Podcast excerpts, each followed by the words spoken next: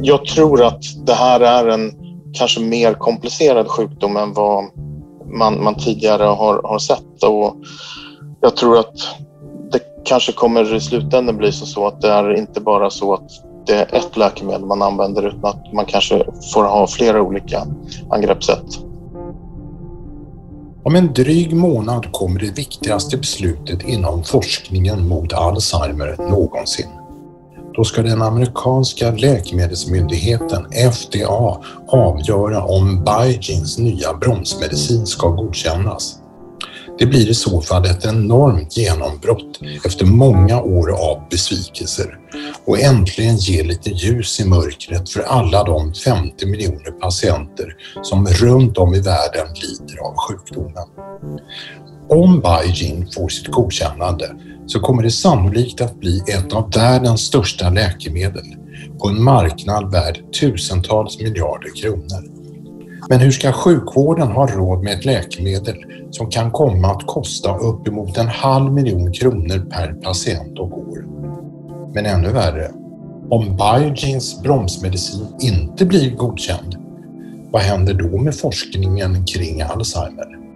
Eller har forskningen hamnat i en återvändsgränd? För att tala klartext, letar man på fel ställe? Eller vad säger läkemedelsexperterna? Jag heter Henrik Fränkel och jag fick påsken 2019 diagnosen kognitiv svikt. Och jag vill med den här poddserien göra en upptäcktsfärd in i vår tids kanske mest ökända och stigmatiserade sjukdom. Jag ska träffa människor som kan hjälpa mig att förstå den sjukdom som drabbar 20 000 svenskar varje år, som har funnits i över 100 år och som ingen överlever.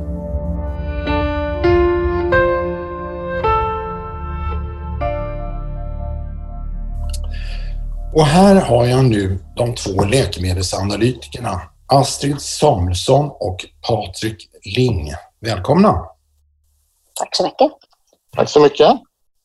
Eh, vi sitter inte i eh, vår studio som normalt eh, utan vi kör Zoom och det beror på att eh, jag sitter i karantän sedan igår. Men jag tror att alla är rätt vana vid det här Zoom-ljudet. Så att, jag hoppas att det kommer funka. Astrid, eh, du förvaltar en fond inom läkemedel och hälsa på Handelsbanken och du Patrik, du är analytiker på banken DNB. Men först, vad gör man som läkemedelsanalytiker? För vilka jobbar ni, Astrid? Ja, alltså egentligen är jag ju inte läkemedelsanalytiker utan portföljförvaltare eller fondförvaltare. Mm. Så precis som du var inne på så förvaltar jag en hälsovårdsfond. Ehm, så vi tittar på aktier globalt, så både mycket i USA, Europa, även Japan eh, och en hel del i Norden. Eh, och inom både läkemedel, bioteknik, medicinteknik eh, och andra områden inom hälsovård. Så det gör jag om dagarna. Mm. Och Patrik, om man nu ska analysera läkemedel, läkemedelsbolagens aktier, hur mycket måste ni kunna om själva läkemedlen? Du är ja. inte läkare. Nej, jag är inte läkare. Eh, jag har dock en, en bakgrund från läkemedelsindustrin, dock inom marknadsföring. Så att det är naturligtvis väldigt bra att, att, att eh, ha en eh, rimligt god förståelse för både den medicinska problematiken och eh, eh de olika läkemedlen. Och, eh, eh, men som sagt, jag har, ju, jag har ju dels en bakgrund från läkemedelsindustrin eh, och eh, har ju jobbat nu som analytiker i ganska många år. Så att, det, om, man, om man är nyfiken och intresserad av att lära sig nya saker så är det ett bra sektor att hålla på med för att det finns alltid något nytt att lära sig. Mm. Jag tänkte gå ut hårt eh, och be er svara väldigt kort och sen ska vi eh, fördjupa de här frågeställningarna. Min första fråga det är, över 50 miljoner människor i världen har idag den obotliga sjukdomen Alzheimer. Och i takt med att befolkningen blir allt äldre så kommer den siffran antagligen stiga till 150 miljoner inom 30 år. Och tittar vi på Sverige så har över 150 000 personer Alzheimer. Varje år drabbas typ 25 000 svenskar av Alzheimer. Det är som om hela Nyköping skulle insjukna i Alzheimer varje år. Min första fråga, vad tänker ni att alla dessa människor vill veta? Vad säger du Astrid? Det är väl egentligen det vi ska fokusera på. När kommer det ett läkemedel som verkligen kan göra skillnad och, och, och bromsa utvecklingen av den sjukdomen och göra att man kanske inte behöver så mycket vård som annars en, en svårt sjuk patient i Alzheimer kräver. Eh, det skulle väl vara liksom förhoppningen. Mm.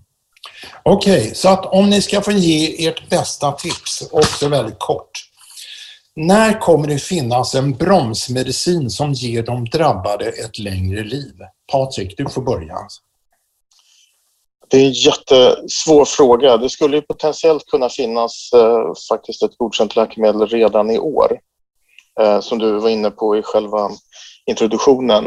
Eh, och vi kommer säkert tillbaka till oddsen om, om aducanumab blir godkänt eller inte i år. Men eh, åsikterna om effekterna för aducanumab går ju minst sagt isär. Så att, eh, mm. Ehm, det kan i bästa fall finnas ett läkemedel i, i år redan.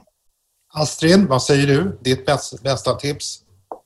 Ja, men att, att försöka gissa på vad som händer där med Biogen, det, det är ju inte ens lönt. Men eh, kanske lite mer eh, säkrare skulle man kunna vara när man, eh, om man skulle vilja gissa på Eli Lillys läkemedel som ju ligger lite längre fram i tiden.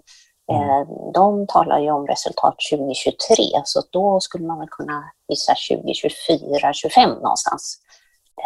Så om tre, fyra år, mm. gissar du? Och när har vi ett vaccin som helt kan stoppa sjukdomen Alzheimer, Patrik? Um, jag vet inte. okay. det, det, är det ärliga svaret. Jag, jag vet faktiskt inte. Mm. Det ligger långt fram i tiden med andra ja. ja. Astrid, kan man överhuvudtaget se konturerna av ett vaccin? Egentligen inte skulle jag vilja säga. Det, är ju knappt vi har konturerna av ett läkemedel så um, mm. det är ju väldigt, väldigt långt bort och, och, inte mycket som jag hör från de stora bolagen att de ens sysslar med. Mm. De, de pratar ju mest om de läkemedel de utvecklar mot Alzheimer. Mm. Vi kommer in på det. I ett bevakningsområde som analytiker och förvaltare av de här fonderna så ligger alltså framtida läkemedel mot Alzheimer. Men det har ju varit en enda lång mardrömsresa. Det senaste läkemedlet inom området Alzheimer är bara lätt symptomlindrande och det kom 2003, för snart 20 år sedan. Kan ni förklara, eller Patrik, kan du förklara varför det är så motigt? Ja, jag tror det. Eh, till att börja med tror jag att en av de viktigare faktorerna är att man egentligen inte riktigt förstår sjukdomen. Mm. Eh, man vet inte till 100 procent vad det är som driver, i vilka sekvenser olika saker händer i, i eh, hjärnan.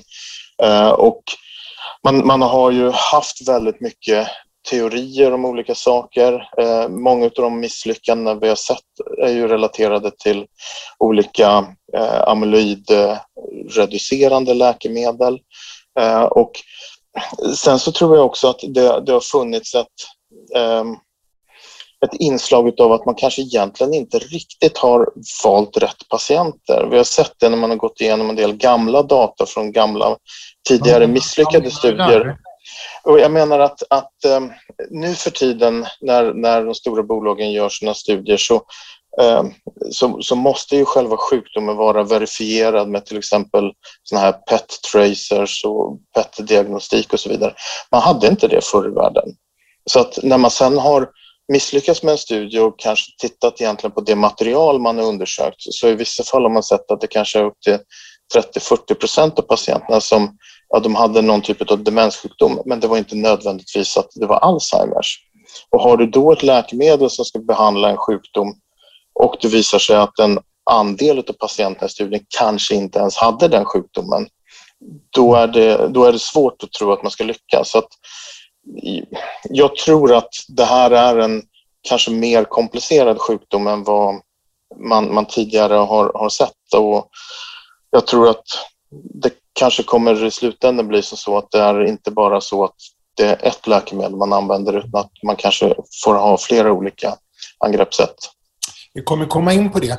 Eh, Astrid, det har genomförts under de här senaste åren över 130 kliniska studier inom Alzheimer. Bara fyra har fått ett godkännande. Och de här fyra, de påverkar inte ens själva sjukdomen. Det är bara lite doping av hjärnan. Det är ju rätt svaga resultat. Eller vad säger du, Astrid? Ja, nej, men eh, det, jag kan bara instämma. Det har ju varit en lång, lång rad av misslyckanden. Och ett av problemen, Patrik är ju inne i absolut på det, och det är ju det här med att liksom, symptom och sjukdom är ju inte samma sak och det har ju varit väldigt fokuserat på symptom eh, utan att kanske förstå sjukdomen. Eh, och även hur man utvärderar eh, i, i de här studierna så är det ju väldigt symptomfokuserat och sen försöker man numera titta då på, på, på de här beta-amyloidnivåerna i hjärnan också men man, det är ganska svårt att koppla ihop det här. Ehm, och dessutom är de här skalorna, det är rätt mycket brus i dem. Det finns ju ett visst mått av subjektivitet eh, när man gör, gör dem. Eh, och vi har sett att det ofta är svårt att upprepa. Det har ju varit nästan det som har förföljt industrin. Att har, man har gjort en kanske studie som har eh, som pekat på ett positivt resultat men hittills så har man aldrig lyckats upprepa en positiv studie och få två positiva studier. Mm. Så att, eh, vi pratar ju om Biogen. Den ansökan baseras ju på en positiv studie och en negativ. Eh, så det här har ju verkligen FDA en, en utmaning. Om vi jämför med cancerområdet eh, så har det kommit över hundra olika läkemedel som både förlänger och räddar liv. Och idag överlever sju av tio cancer. Ingen överlever Alzheimer. Vad tänker ni om den jämförelsen, Patrik? Jag tänker att eh, om, om, du tittar på, om du tittar på cancertumörer så har det under så väldigt lång tid varit så mycket lättare för sjukvården och för läkarna och forskarna att plocka ut en tumör, operera ut den, titta på det i mikroskop. Det är inte alltid riktigt lika enkelt att göra det när, eh, när vi pratar om hjärnan. Så att du har, du har lärt dig så pass mycket mer om själva liksom förändringarna i cellerna och de olika mekanismerna och det har varit lättare att studera än att göra det för Alzheimers. Men även när du pratar när du pratar alla de här misslyckandena om, inom Alzheimers så jag menar, om, om du drar parallellen till cancer när det gäller immunterapi som mm. ju har blivit extremt stort. Så om man ska hårdra det lite kan man ju säga att i princip allting misslyckades fram till det första lyckade läkemedlet kom. När, när Yervoy kom som den första checkpointhämmaren, så innan dess, och det var många företag som till och med la ner fokus på immunterapi för cancer för att det, det hade misslyckats så mycket. Så att någonstans så handlar det kanske om att du måste hitta rätt nyckel för att låsa upp ett område. Och, och det kanske inte dit Alzheimer riktigt har kommit ännu. Men just det här ser man ju också inom, inom Alzheimer, Astrid, att många av de stora läkemedelsbolagen de har kastat in handduken. De har satsat många miljarder på att utveckla nya läkemedel. Pfizer har gjort det, AstraZeneca har gjort det och många andra mindre kända bolag. Varför har de gett upp? De har ju valt områden de vill satsa på. Det är ju så, stora läkemedelsbolag vill ju ofta välja ut eh, de, de områden där de tycker att de är duktiga och där de ser en möjlighet att lyckas. Men man ska inte glömma bort att det är många kvar också. Så vi har ju bolag som Eli vi har Roche där också, eh, som faktiskt eh, fortsätter. Och så har vi ju japanska bolag också eh, som, som sysslar med det här. Och eh, när jag var tittade så pågår nu 728 studier. Så att eh, det finns ju många där ute som inte har gett upp. Eh, Eh, och då kan man ju spinna vidare lite på Patrik. När, när man lyssnar på bolagen varför de inte ger upp så, så återkommer mycket av det här att det, det har varit eh, liksom, ofta problem med de här heterogena populationerna man har haft i studierna. Man tror sig veta lite mer om hur man ska välja ut patienterna. Att behandla tidigt är också bra och en del har också jobbat med de här skalorna. Att hitta, som exempelvis Lilla Lilly, de har så att säga snickrat ihop sin egen skala som de tror mer på. För att hitta rätt patienter alltså? Ja, för att det ska bli mer reproducerbart också. Mm. Vissa av skalorna har haft en del problem på den fronten, mm. men att rätt patienter är också jätte, jätteviktigt för att undvika för mycket brus. Precis. Men Astrid, kan inte du beskriva lite kortfattat processen fram till ett nytt läkemedel? Eh, ja, det är en stor, stor fråga och det är väl egentligen, man följer ju samma så att säga, process som för vilket läkemedel som helst egentligen. Ofta går man ju igenom, eh, man, ska testa liksom, toxikologi, ofta börjar man ju med djurförsök för att se att det inte är något farligt.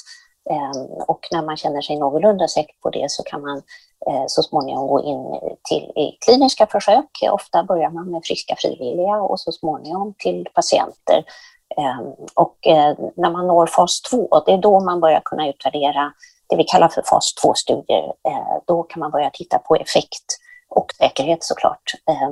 När man jämför patienter som får det här läkemedlet mot de som inte får läkemedlet. Och sen vill man då upprepa det i ännu större studier för att, så att säga, kunna se att du fortfarande ser effekten men också framförallt få mer säkerhetsdata då är vi inne i fas 3. Och hur mycket har bolagen investerat när de står inför att få ett läkemedel godkänt? Det är ofta fas 3 um, ehm, som kostar väldigt mycket. Um, hur mycket de har investerat innan de kommer dit kanske jag inte har någon siffra på, men vi fick en liten, liten uh, antydan om hur mycket det kan handla om för att driva ett fas 3-program från Novo Nordisk som startar studier Eh, med ett diabetesläkemedel mot Alzheimers sjukdom.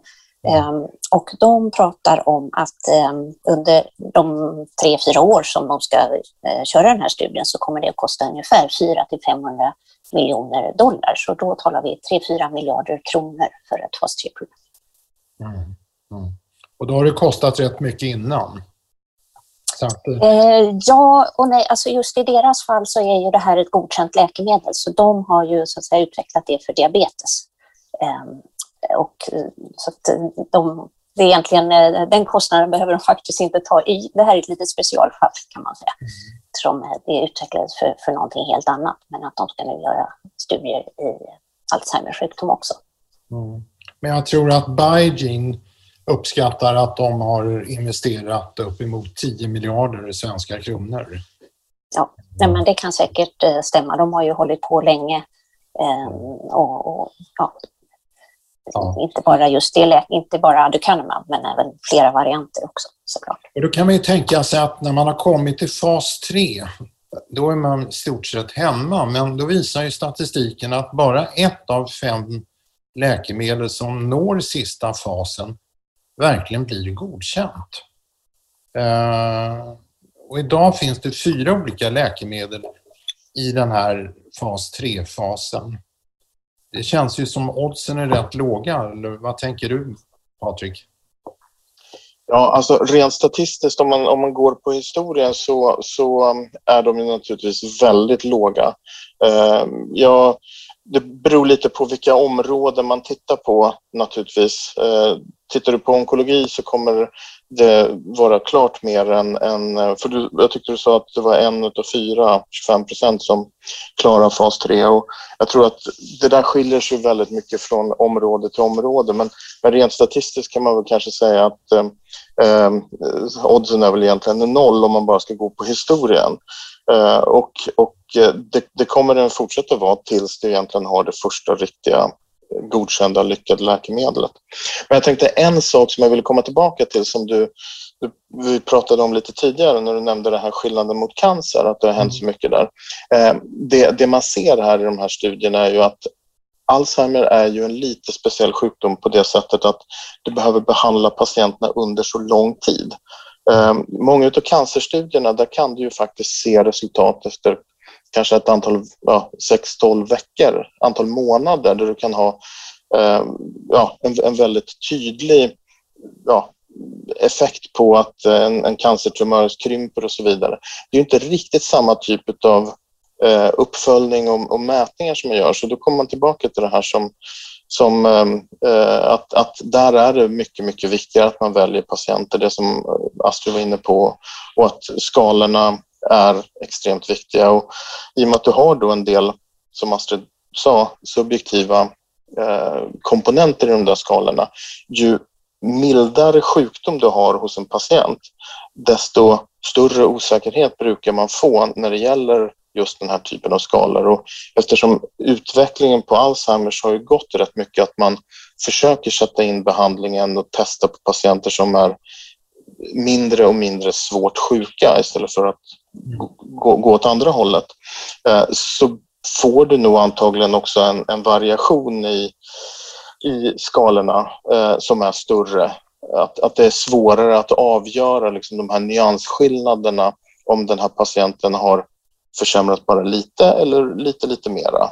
Mm. Jag förstår.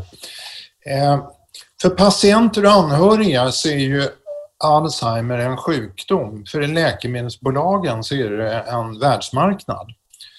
Eh, och många tror att Alzheimer kan bli den största marknaden för läkemedel alla kategorier, till och med större än cancer. I läkemedelsbranschen så talar man om blockbusters. Eh, Astrid, vad är det? Det brukar man kalla ett läkemedel som når en försäljning över en miljard dollar. Okay. Nämn några så att vi förstår vilka det är. Ja, men vi har i, på cancerområdet så har vi ju de här, precis som Patrik sa, vi har nya läkemedel eh, som påverkar immunsystemet och de har ganska snabbt blivit eh, rätt stora. Så där har vi ett som heter Keytruda från Merck mm. um, och det tror jag säljer eh, uppåt, om det är mellan 15 och 20, men så den är en multi-blockbuster till och med. Mm. Um, För gemene man ser väl typ eh, Losec eller Viagra blockbusters? Eh, inte längre. Det var de väl på sin tid, men där har patenten gått ut för länge, länge sedan. Så att, eh, eh, Losec var det länge sedan vi funderade över i, i, i den här branschen. Ja. Att, eh. ja. Och eh, vad tänker ni? Eh, det första läkemedlet, eh, den första bromsmedicinen, kommer det bli en blockbuster? Ja, det skulle jag tro. Ja, det tror jag med. Alltså jag, jag har sett att det, det kan bli det mest säljande läkemedlet någonsin. Och då han, pratar vi om 300 miljarder kronor. Känner ni igen de här siffrorna? Är det, här, är det rimligt? Alltså det är inte helt orimligt. Det beror ju på hur många andra som kommer. Det, jag tror att det kommer spela roll om det blir bara Biogen på många, många år eller om Ila Lilly kommer och ska ta en del av den här marknaden, då kanske vi inte bara ett av de här läkemedlen blir så stora på en gång. Ehm, men eh, att vi kan tänka oss eh, både 10 och 20 miljarder för ett sådant läkemedel, det är absolut inte omöjligt. Mm. Vad tänker du Patrik om marknaden? Absolut. Ehm, just i och med att det inte finns egentligen några vettiga alternativ för patienterna eller för läkarna och sjukvården. Så det kan ju naturligtvis låta som ohyggligt mycket pengar, vilket det naturligtvis är. Men du, du har ju samtidigt, om, om du har de effekterna som vi, vi hoppas på, så har du ju igen en hel del i ett senare skede, att man kanske kan fördröja en del andra vårdinsatser som faktiskt också är ganska kostsamma för, för både samhälle och för de anhöriga och för patienten i sig. Så att, mm. så att, trots att det är otroligt mycket pengar, men, men jag, jag håller absolut med Astrid, 20-30 miljarder dollar skulle inte vara förvånande. Då kan man ju undra varför satsar inte bolagen ännu hårdare om man har inom eh, synhåll eh, världens största läkemedelsmarknad. Um, ja, jag, jag, tror att, jag tror att, som vi var inne på tidigare, vi, vi har ju i det här området, just i och med att det är väldigt långa uppföljningar på de här studierna, eh, så är vi ändå antagligen ganska nära att det kan komma kanske ett, två eller till och med tre läkemedel till marknaden inom de närmsta fem åren. Tittar du på när, när Biogen till exempel, när de startade sina fas 3-studier, mm. ja, det är ju fem, sex år sedan, det var 14 eller 15 kanske de startade dem. Uh, och nu sitter vi 2021 och pratar om ett godkännande. Så att det, med, med, med de tidsramarna så tror jag att uh, det, det, de, de, stora företagen avvaktar nog lite om de inte redan är aktiva. Men precis som, och det ska man inte glömma bort, att om du tittar på hur, hur de här olika eh, kliniska studierna ser ut. Det här eh, amyloid beta racet som vi pratar om just nu, jag menar, det är en, en rimligt stor del av det som är liksom i fas 3-studier. Men backar du bakåt till det som ligger i fas 2 så finns det ju väldigt många andra potentiella angreppssätt. Och, och det, det, här, det här är en marknad som utvecklas över tiden. Jag tror att man, man, man måste ändå ha en viss respekt för de, de tidslinjer som vi pratar om. Att börjar du från scratch med en, en ny idé idag så kan det nog mycket väl vara 15 år innan du har ett resultat. Mm. Eh, ni nämnde Bygene och vi pratade om det.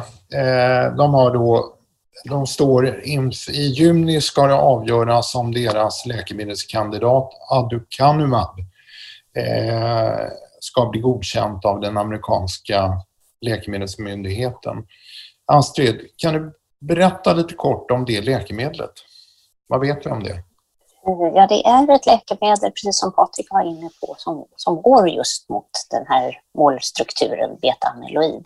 Mm. Um, och uh, den, den har um, också, den, den är inte det första läkemedlet som har utvecklats mot den principen, så att de bygger ju, har ju byggt uh, utvecklingen på tidigare kunskap. Ila Lilly har ju varit där och, och, jobbat också, Pfizer har varit där och jobbat också, men det är så att säga principen Eh, den binder till de här eh, beta-amyloid och idén är att man ska så säga, få ner plackmängden i hjärnan och att man på så sätt ska kunna bromsa sjukdomsutveckling. Och vad är effekten för patienten? Ja, det man mäter, då är vi ju tillbaka till de här skalorna. Det, det man ju vill se med ett sånt här läkemedel, det är ju att du får både effekt på kognitiva parametrar men också funktionseffekter. Eh, det är så att säga målet med alla och det har varit målet med det här läkemedlet också. Kan man säga att man fördröjer insjuknandet? Eh, ja, insjuknande. Patienterna har ju redan haft ett insjuknande, men man vill ju fördröja liksom, att, säga, att, att sjukdomen inte ska försämras så snabbt som den hade gjort annars. Eh, sen kan man ju så att säga utnyttja, uttrycka det i så att säga att man, man för, fördröjer nästa steg i sjukdomsförloppet kan man säga.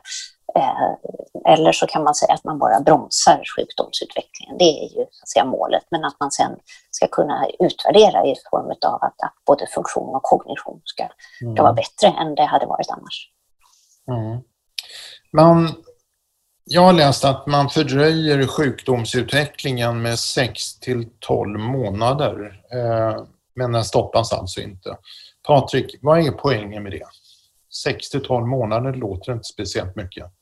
Ja, du, det du får sätta dig i relation också är ju att du har följt patienterna i upp till 18 månader. Så att det där är ju förhoppningsvis en process som fortsätter över tid. Det vill säga om du tänker dig ett, ett långsamt sluttande plan neråt där liksom det är sjukdomsprocessen så är ju tanken att när du behandlar patienterna så ska patientens plan sluttar lite mindre neråt. Så att över tiden så ökar själva gapet mellan vad du hade, eh, liksom hur snabbt sjukdomen hade ja, påverkat dig om du inte hade en behandling. Så att 6-12 månader får man nog sätta också i relation till hur länge man faktiskt har följt patienterna. Vi ser ju i en del andra studier. Och då är det ju det här som ASI håller på med tillsammans med, eh, med Biogen för, för det andra läkemedlet, eh, lecanemab, det som kommer från BioArctic, att när man har tittat på de patienterna eh, över tid och då har man ju då tagit de som var med i deras fas 2B-studie 18 månader och sen så har man följt dem i en ska säga, öppen studie efteråt, då ser man ju att det här eh, gapet inte stängs. Så att när du har slutat behandla så det är inte liksom en tillfällig effekt utan det verkar finnas kvar eh, och, och, och, fortsätta att vidga sig så att säga. Så att, så att tanken är ju att det ska vara en behandling under en väldigt lång tid där du, du har hela tiden en, en marginellt bättre sjukdomsutveckling än vad som du hade haft. Så att om det sen blir 6 eller 12 eller 18, det kan mycket väl bli liksom 40 månader. Eh, men det beror på hur länge du följer patienten, hur länge du, du faktiskt behandlar patienten. Så patienten kommer må bättre och klara sig längre själv? Patienten kommer ju klara sig längre själv, men, men man, man, man måste samtidigt vara medveten om att patienten mår egentligen inte bättre. För att om du tänker dig liksom ett sluttande plan, det kommer fortfarande slutta neråt, men inte lika brant neråt. Så att pratar du med en patient dag ett och sen så efter 12 månader, då kommer den patienten sannolikt må lite, lite sämre. Mm.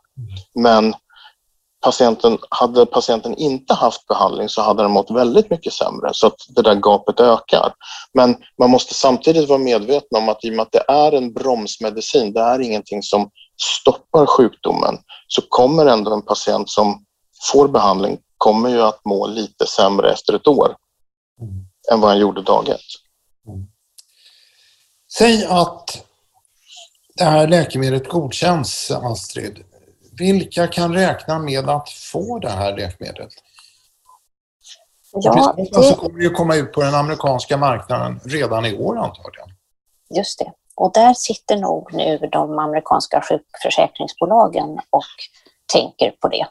Mm. Ehm, för de är ju också rädda för att det här ska, ska användas till alldeles för många och att det ska driva deras kostnader rakt upp i himlen. Mm. Eh, så att jag skulle gissa att de eh, tänker noga på det och eh, de kommer nog kräva ganska strikta kriterier för vilka som kan få det här läkemedlet. Och då, det man brukar göra då är att titta hur gjordes den här studien? Vilka patienter var det som man verkligen studerade i den här eh, kliniska studien. Eh, och såklart vad, vad, FDA, de här myndigheterna, ger för godkännande. Vad kommer det stå på den här så kallade labeln som vi pratar om, mm. själva indikationen. För det, de kommer ju också vara ganska tydliga med vilka patienter. Så att, eh, eh men eh, det sitter de säkert och eh, funderar över. Men eh, om det blir godkänt och kommer det ut på marknaden i USA i år så kommer det antagligen komma till Europa nästa år och sannolikt också till Sverige nästa år. Vilka tror du kommer att kunna få det här då? Om vi är mer precisa. Det finns ju 150 000 patienter i Sverige. Kan ja, alla de räkna till? Till att börja med så kanske vi ska vara lite försiktiga eftersom vi är högst osäkra kring vad de amerikanska myndigheterna mm. ska säga. Så får man väl ändå säga att vi är lika osäkra på vad de europeiska myndigheterna kommer att säga. Var... De gör inte alltid. Men om... um, här har, vi har ju ett annat system för vem som betalar läkemedel. Ja. Men Eh, principen kommer nog ändå vara densamma, att man eh, kommer vara rätt noga med vilka som får det, att det verkligen stämmer med så att säga, de som ingick i de kliniska studierna och det som faktiskt står som en, en godkänd indikation. Eh, sen kommer säkert efterfrågan vara betydligt högre. Eh, jag har hört en del så att säga, göra jämförelser med eh, när det kom de första MS-läkemedlen. Då fanns det ju ingenting för att behandla den sjukdomen. Mm. och sen kom ju interferonläkemedlen och, och då var det då blev ju klinikerna nerringda med patienter mm. som ville ha det här. Och där hade man ju rätt måttliga effekter på de första läkemedlen som kom. Så det är ju en, det är färre patienter, men det är ändå en ganska intressant parallell tycker jag till hur det kan utvecklas inom det här området. Mm. Men eh, kan man säga att det, de patienter som kommer komma i fråga, det är de som är i mycket tidiga stadier, egentligen nästan i MCI-stadiet. Ja, men det får man nog tänka sig att det ska vara, liksom, man, man kommer ha bäst chansen när man har i ett tidigt skede utav sjukdomen. Mm. Och det är ju, studierna är ju gjorda i, i relativt eh, tidigt skede av sjukdomsförloppet. Mm. Patrik, blir du godkänt? Ja, alltså det där är ju som att singla slant.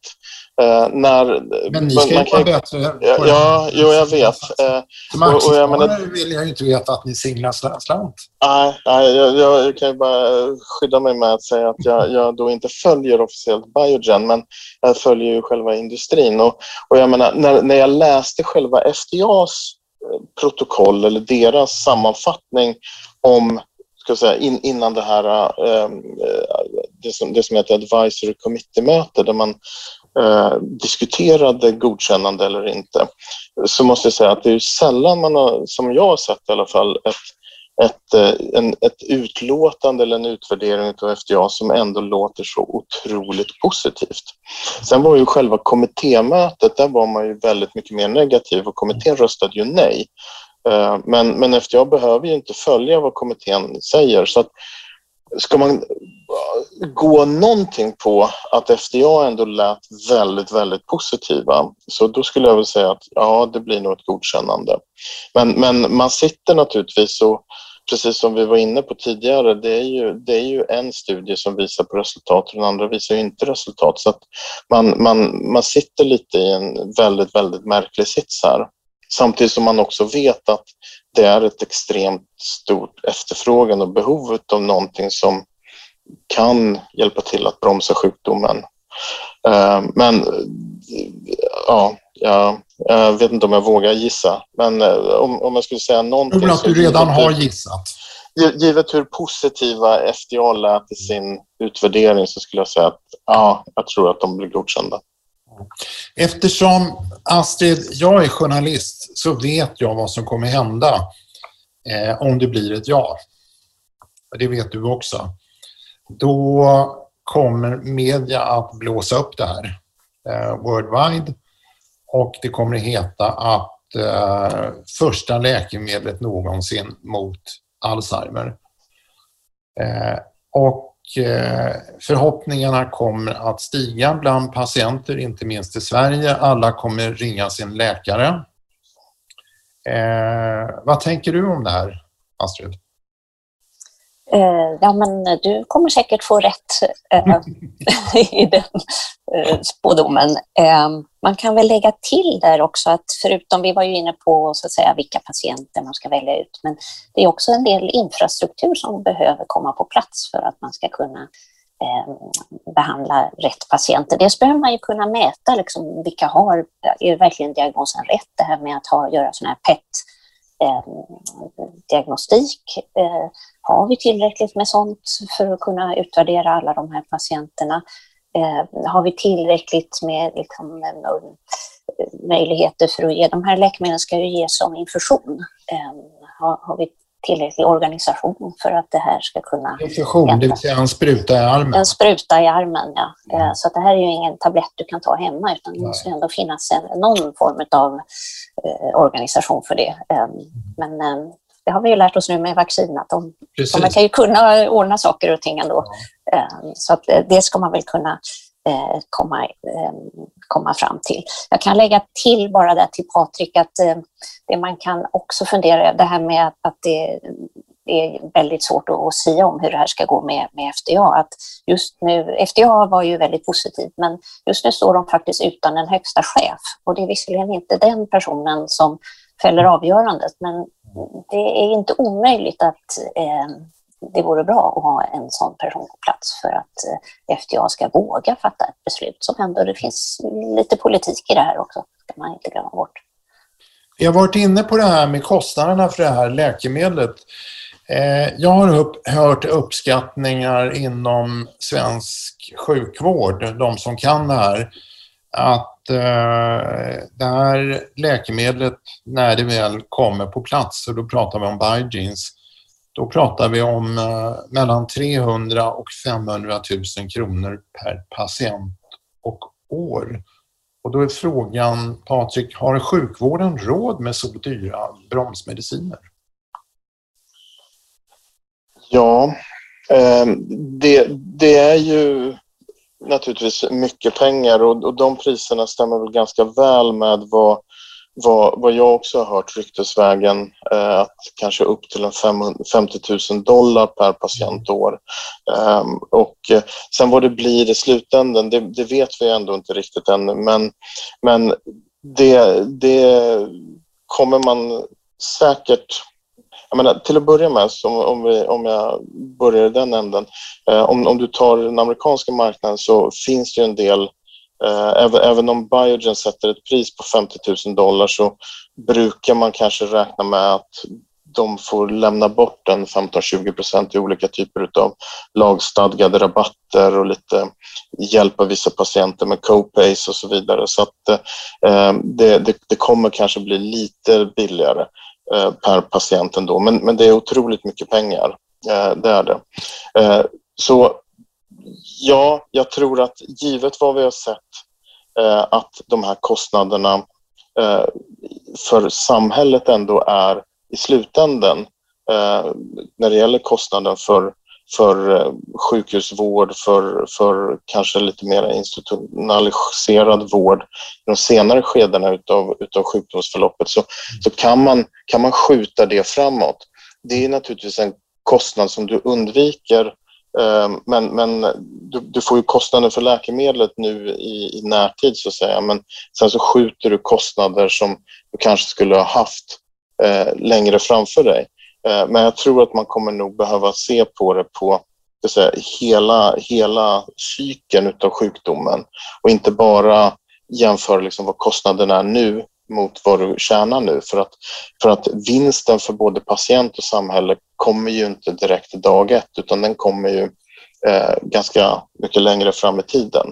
Och jag tror att tittar man på det på det sättet så kommer man ha, ha råd. Men man kommer samtidigt inse att det, det, blir väldigt mycket, mycket pengar i det korta perspektivet så att jag tror Astrid har helt rätt att man kommer vara så restriktiv som möjligt och, och just i det här fallet när vi dessutom har en, en, en positiv studie och en negativ studie så kommer man nog vara extra noggrann med att eh, inte ge ett sånt här läkemedel till patienter som det inte är dokumenterat på utan verkligen se till att, som, som vi var inne på, att man, man verkligen vet att det här är en patient som har rätt diagnos, är i rätt stadium och så vidare. Mm. Men Astrid, vi har pratat om ett ja, men det kan ju bli ett nej också. Vad händer då? Ännu en kalldusch. Eh, läkemedelsbolagen har ju satsat allt på ett kort kan man säga, att Alzheimer utvecklas av de två proteiner, eh, vi har, ni har varit inne på det, beta-amyloid och tau som klibbar ihop sig i hjärnan och dödar hjärn, hjärnans celler. Men tänk om det är helt fel spår? Mm. Om, om, man ska börja med att tänka om det blir ett nej, att jag tror egentligen att de flesta bedömarna tror att det blir ett nej. Så att, eh, vi ska väl ändå ha det som... Eh, och jag, jag gissar att det är väl ändå någonting som de flesta så att säga, intressenter absolut har som möjligt mm utgång av det här, eh, om man är illa eller Biogen. Det är klart att eh, det är nog ingen som eh, räknar med det.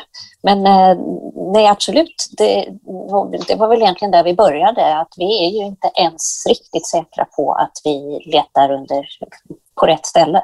Att säga. Mm. Eh, även om, om, man får nog ändå säga att beta-amyloid har blivit lite hetare på senare tid. Eh, det är fortfarande rätt polariserat. Om man pratar med läkare som, mm. som sysslar med det här så finns det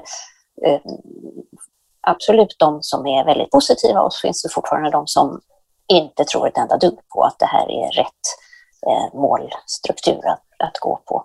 Eh, så att det där, det där finns det en osäkerhet, absolut. Ja.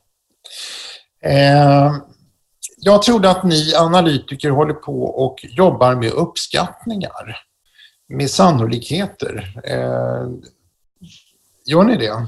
Det vill säga, vad är sannolikheten för att Biogen får ett godkännande? För att ni sätter ju priset på aktien efter det. Vad säger du Patrik?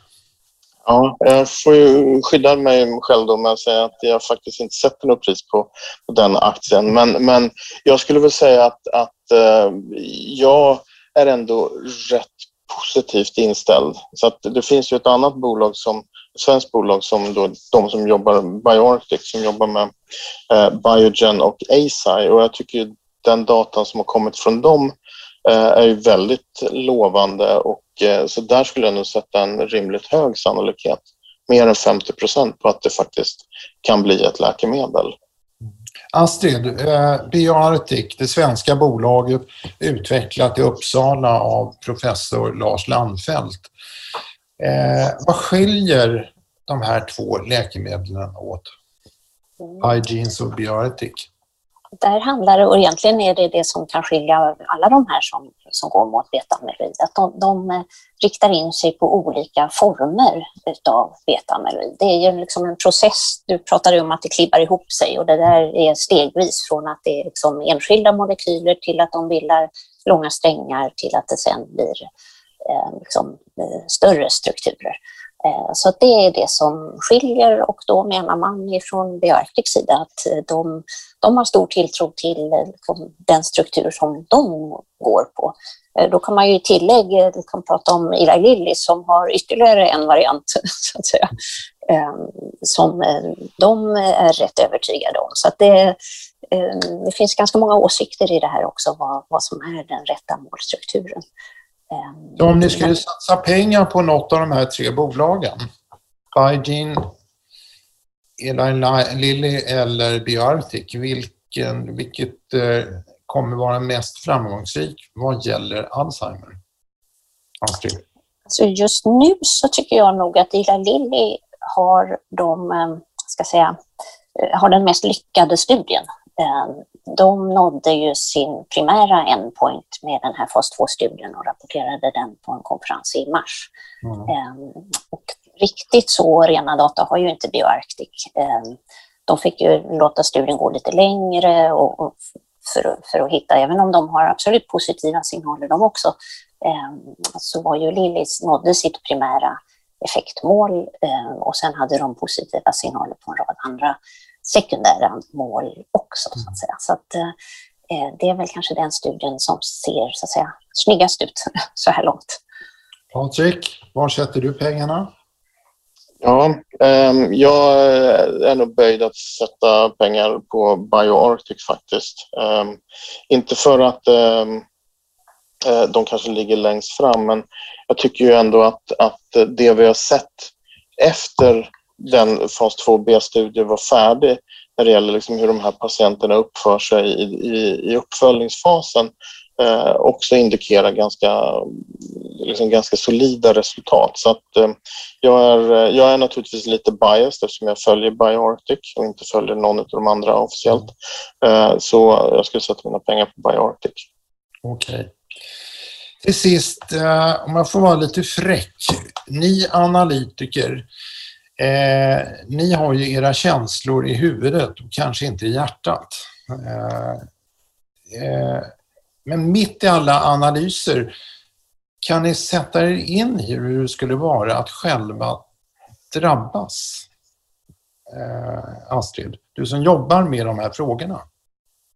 Liksom, det kan jag naturligtvis. Nej, det tror jag inte att jag kan på, på riktigt. Men att man kan, vi har väl vi känner nog alla någon som eh, är drabbad eller har en nära anhörig som är drabbad. Så att jag tror vi har nog tillräcklig inlevelseförmåga för att se att det här är ett enormt viktigt område. Så att, eh, jag tror att vi kan ha med den aspekten och det kan vissa bolag också skulle jag vilja säga. Jag tror att beslutet som Novo Nordisk tog att, att starta ett fas 3-program för ett diabetesläkemedel Eh, Eh, på, så att säga, utan, jag har gjort några tidigare studier men ändå lite indicier. Det tror jag att de gör så att säga, för mänsklighetens bästa för att de ser att vi måste nog göra det här experimentet.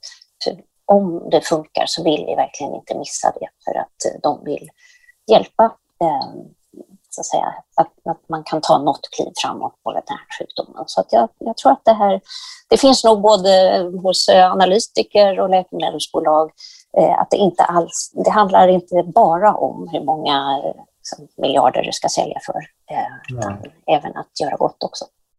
Och Patrik, eh, kan, kan du liksom leva in i rädslan att förlora minnet och på sikt inte kunna klara dig på egen hand om du skulle drabbas av Alzheimer? Eller är det någonting som man skjuter ifrån sig? Jag, jag, jag tror att man skjuter ifrån sig lite att det skulle hända en själv. Eh, samtidigt så är det precis som Astrid sa, liksom, jag har ju ett antal nära bekanta och släktingar som också har drabbats. Jag har ju sett det ändå, men att, att se det från sidan är en viss sak, men att liksom drabbas själv, det, den, den tanken vill man nog kanske helst inte tänka. Eh, så att du kan aldrig egentligen sätta dig in till fullo liksom hur det är att, att drabbas av någonting innan du själv eh, har drabbats. Eh, men, men jag tror att det är en så pass vanlig sjukdom att jag tror att vi alla har sett folk, har anhöriga, har bekanta som på ett eller annat sätt har drabbats. Så att man, man, man ser den här eh, utvecklingen och man ser liksom en försämring över tid och man ser ehm, eh, också liksom kostnaden och sorgen som, som finns eh, hos anhöriga och även hos de som drabbas. Mm. Tack Astrid Samuelsson och eh, Patrik Ling. Jag är jätteglad att ni valde att vara med även om det nu blev via Zoom. Och tack till alla ni som har lyssnat. Eh, vill ni ha ett mejl när nästa podd kommer så anmäl er på poddspelare som Podcaster, Spotify eller varför inte gå in på min hemsida alzheimerlife.se och anmäl er för de löpande nyhetsbreven. Bloggen och podcasten Hjälp har jag Alzheimer har också en insamling till förmån för kognitiva sjukdomar. Podden Hjälp har jag Alzheimer produceras av stiftelsen Alzheimer Life och görs på Beppo. Beppo.